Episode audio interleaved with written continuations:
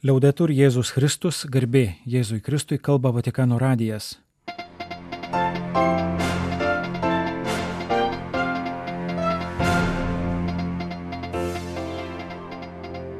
Malonus klausytojai šioje programoje. Popiežiaus audiencija Ligonių ir Piligrimų asociacijai. Šventųjų skelbimo dekretai. Popiežiaus valstybės sekretoriaus kalba Ženevoje.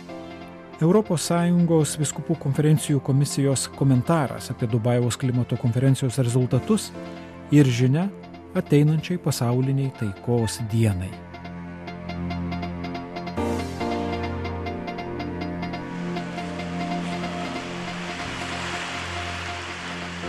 Sono contento di incontrare l'Unione Nazionale Italiana Trasporto Malati a Lourdes e Santuari Internazionali. Gruodžio 14-ąją popiežius Pranciškus audiencijoje prieėmė Italijos nacionalinės ligonių vežimo į Liurdą ir tarptautinės šventoves sąjungos narius bei draugus - ligonius, žmonės su negale, savanorius, nešiotojus, slaugus, jaunulius ir lydinčius kunigus. Tai bažnyčios, kuri moka lydėti ir būti šalia silpniausiųjų veidas, sakė šventasis tėvas, dėkodamas už šią tarnystę, dažnai einančią prieš srovę pasaulyje, kuris vardan gerovės ir rezultatų atmeta bei marginalizuoja. Pagrindinė ligonius ir žmonės su negale lydinčios sąjungos veikla yra piligrimystė. Pranciškus priminė, kad prieš 120 metų asociacija įsteigta tokiomis aplinkybėmis. Jaunas vyras, vardu Giovanni Batista Tomasi, sirgęs jo kūną deformavusiu ir nepagydomu artritu, nuvyko į Liurdą. Jaunuoliai kamavo prieštaringos mintis, įskaitant labai rimtą svarstymą atimti savo gyvybę. Bet Liurdas viską pakeitė, jis pajuto paguodą, tikėjimo jėgą, gilėje savo būties prasme. Ir tada pradėjo galvoti, ką galėtų padaryti, kad ir kiti tokią paguodą gautų. Anche oggi i pellegrinaggi che organizzate sono un balsamo per le ferite. Ir šiandien jūsų rengiamos piligriminės kelionės yra balzamas žaizdoms daugeliu žmonių su negale, ligonių, pagyvenusių ar pagalbos reikalingų žmonių, kuriuos lydite į Liurdą ir kitas svarbiausias Italijos bei kitų kraštų šventoves. Tai gyvenimo kelionės, įvairiais požiūriais gydančios kelionės, patvirtinančios kiekvieno žmogaus, ypač sergančio silpno ir kenčiančio orumą. Piligrimuose, o jais esame mes visi šiame pasaulyje, atsispindi Kristaus veidas, kuris priemė mūsų negalės, kad pripildytų jas prisikėlimo gale, kalbėjo popiežius Pranciškus audiencijos dalyviams. Piligrimystė su ligoniais tokia yra ne vien ligonėms, bet ir juos lydintiems sveikiesiems. Visi eina kartu - sveiki ir ligoniai, jauni ir seni, pasauliečiai ir vienuoliai. Tai iš tiesų gyvas atvaizdas kartu einančios bažnyčios, nepaliekančios nei vieno už nugaros arba bažnyčios kaip lauko ligoninės, kurioje žmonių žaizdos išvalomos ir aptvarstomos. Dažnai tai vyksta tyliai, diskretiškai, ko ne neregimai, tačiau esant arti ir švelniai. Visada taip elkitės, paragino Pranciškus. Ligonius lydinti asociacija paplitusi visoje Italijos teritorijoje yra atramos taškas šeimoms ir bendruomenėms. Jos veikla taip pat yra evangelizavimas ir apaštalavimas. Ne liežuviu, o faktais ir veiksmais, kaip paragino daryti šventasis Pranciškus Asižėtis. Evangelijoje matome daugybę žmonių, kurie troško prisartinti prie Jėzaus, nes jis gydė, atleido, guodė ir gražino viltį. Tegul Dievo žodis tampa linkėjo Pranciškus piligrimo lasda, į kurią galima atsiremti, kai kelias tampa sunkus ar rodos nebėra jėgų. Pranciškus taip pat kvietė specialiam pasitikėjimui Mariją, kuriai dedikuotos šventovės dažniausiai yra piligrimystės galutinis tikslas. Ypač kalėdiniu laikotarpiu prisimename Marijos taip Dievo sumanimams. Continuate a cercarla, a contemplarla, a invocarla, a deporre Jos ieškokite, kontempliuokite ją, šaukitės jos, sudėkite prie jos kojų darbus, rūpešius ir vargus, kurių kiekvienas turime, patarė Pranciškus prieš suteikdamas Italijos nacionalinės ligonių vežimo į Liurdą ir tarptautinės šventovės sąjungos nariams bei draugams palaiminimą. Dievo tarnas Janas Havlikas 1965 metais Slovakijoje nužudytas iš neapykantos tikėjimui, pripažintas kankiniu ir bus skelbiamas palaimintuoju. Dekretą dėl 37 metų seminaristo kankinystės patvirtino popiežius Pranciškus ketvirtadienį per audienciją šventųjų skelbimo dikasterijos prefektui. Kardinolo Marcello Semiraro vadovaujama Šventojo sosto dikasterija ketvirtadienį po popiežiaus audiencijos paskelbė iš viso aštuonis dekretus, iš kurių trys dėl herojiškų darybių, trys dėl kankinystės ir du dėl stebuklų, stebuklingų pagyjimų dviejų garbingųjų Dievo tarnų 20-ame amžiuje mirusio meksikiečio šventosios dvasios misionierių kongregacijos kunigo ir 17-ame amžiuje mirusios ispanės karmelitų vienuolės užtarimu. Dekretai dėl minėtojų aštuonių dikasterijos tyriamų bylų susiję su 11 asmenų. Tai Italė pasaulietė šeimos motina, Gvatemaltietis pasaulietis šeimos tėvas, italas kapucinų kunigas, jau minėtasis slovakas seminaristas, Šventojo Vincento Pauliečio misionierių draugijos narys Janas Havlikas, kuris rengėsi kunigystėje, kai 1965 m. gruodžio 27 d. buvo nužudytas Skalicoje, vakarų Slovakijos Tarnavos krašte. Keturi misionieriai Kongo demokratinėje Respublikoje, trys kunigai ir vienuolis, nužudyti 1964 metais.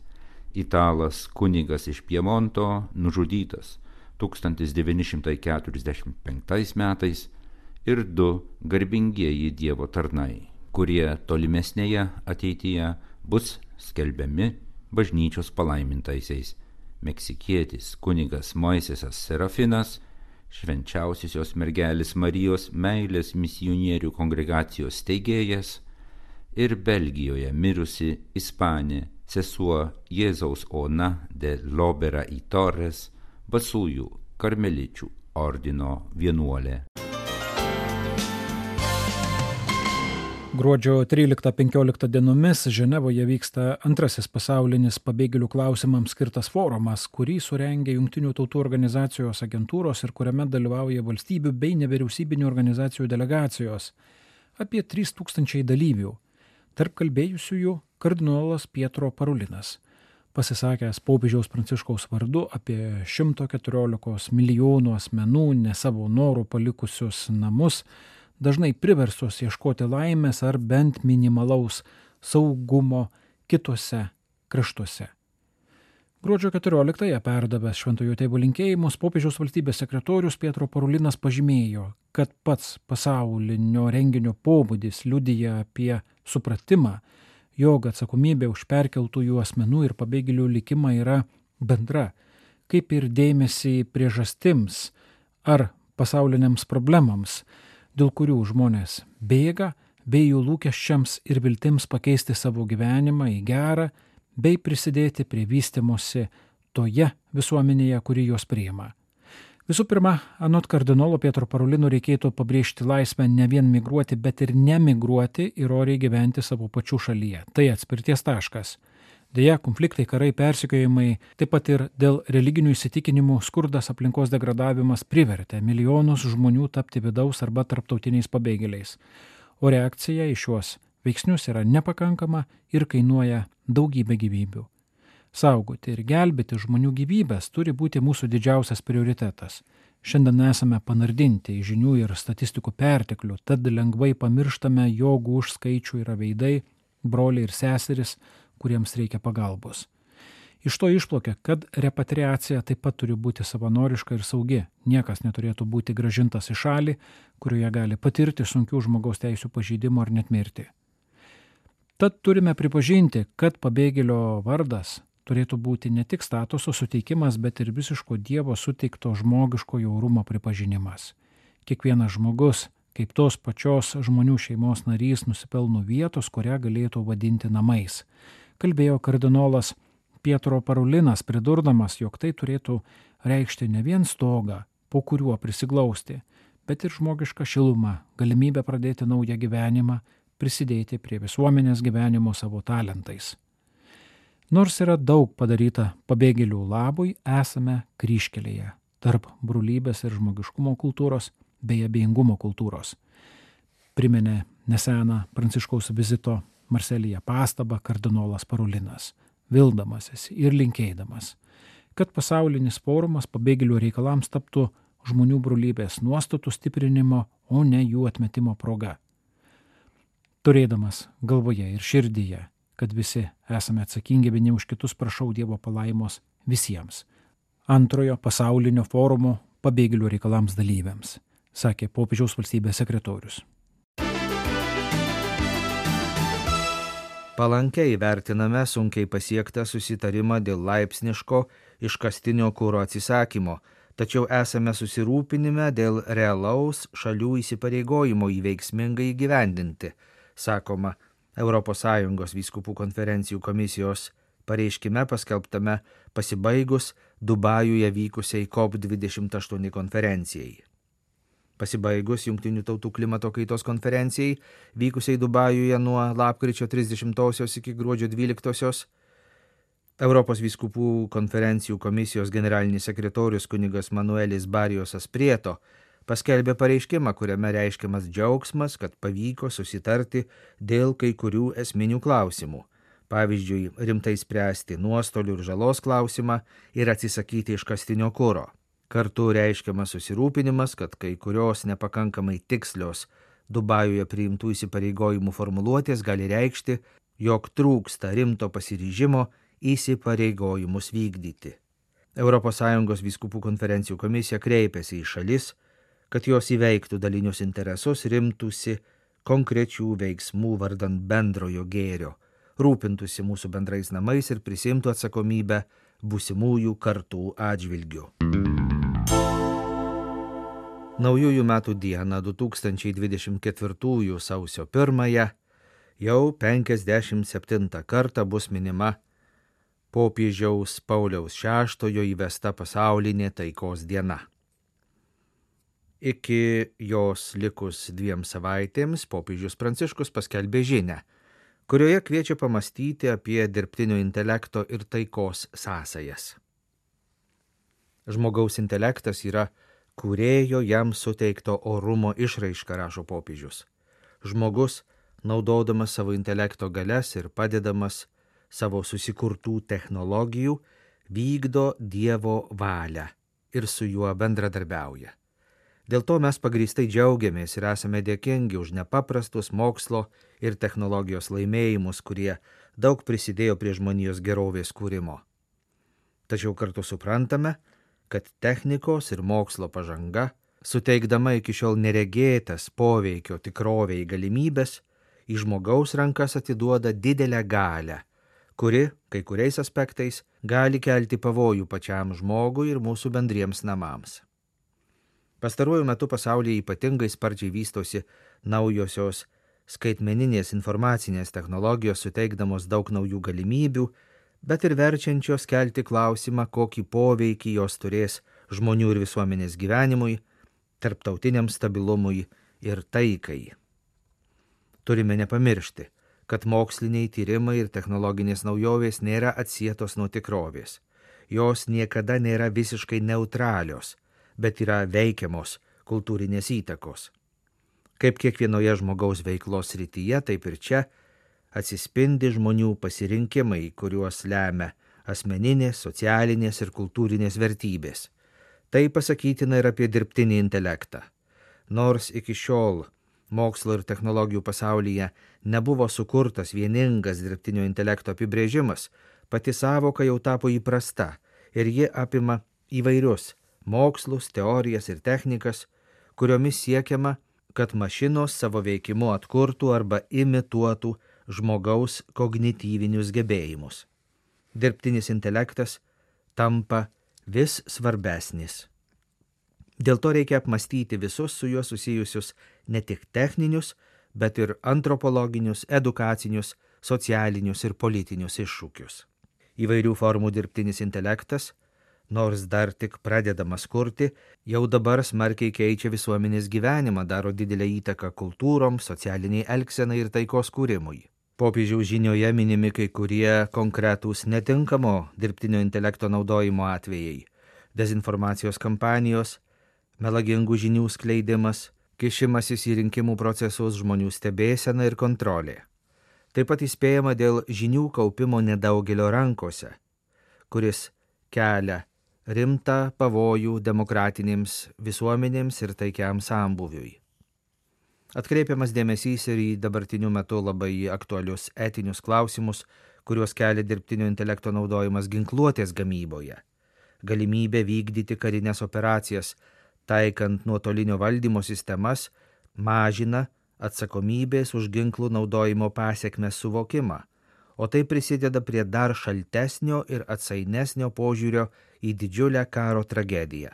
Taip pat negalima ignoruoti galimybės, kad tokie sudėtingi ginklai gali patekti į netinkamas rankas ir palengvinti teroristinius išpolius ar intervencijas, kuriomis siekiama destabilizuoti teisėtas valdžios institucijas.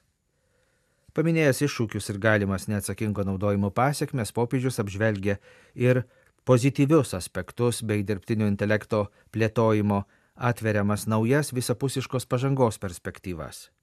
Jei dirbtinis intelektas naudojamas visapusiškam žmogaus vystimui įsiskatinti, jis gali įnešti esminių naujovių žemės ūkėje, švietime ir kultūroje, pagerinti iš tiesų tautų ir žmonių gyvenimo lygį, padidinti žmonių brolystę ir socialinę draugystę.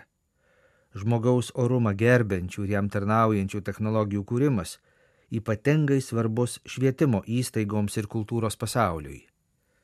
Rašydamas apie dirbtinio intelekto ir švietimo sąsajas, popiežius pabrėžia kritinio mąstymo ugdymo svarbą.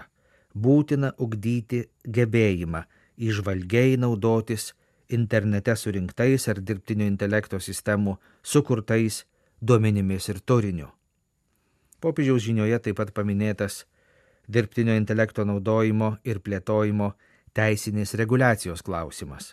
Be atskirų valstybių atsakomybės už dirbtinio intelekto teisinį reguliavimą nacionaliniu mastu, lemiamą vaidmenį gali atlikti ir tarptautinės organizacijos, sudarydamos daugiašalius susitarimus ir koordinuodamos jų taikymą. Baigdamas savo žinią skelbiamą 2024 m. pasaulinės taikos dienos proga, popiežius reiškia viltį, kad šie jų apmąstymai skatins siekti, kad dirbtinio intelekto plėtojimas tarnautų žmonių brolybės ir taikos labui. Ši užduotis ir atsakomybė yra skirta ne keliems žmonėms ar institucijoms, bet jis aisto visą žmoniją. Taika yra tarp žmonių ir tautų mesgamų santykių vaisius - santykių, kurie turi būti mesgami pripažįstant kiekvieno žmogaus netimamą orumą, bendradarbiaujant ir įsipareigojant siekti integralaus visų žmonių ir tautų vystimosi.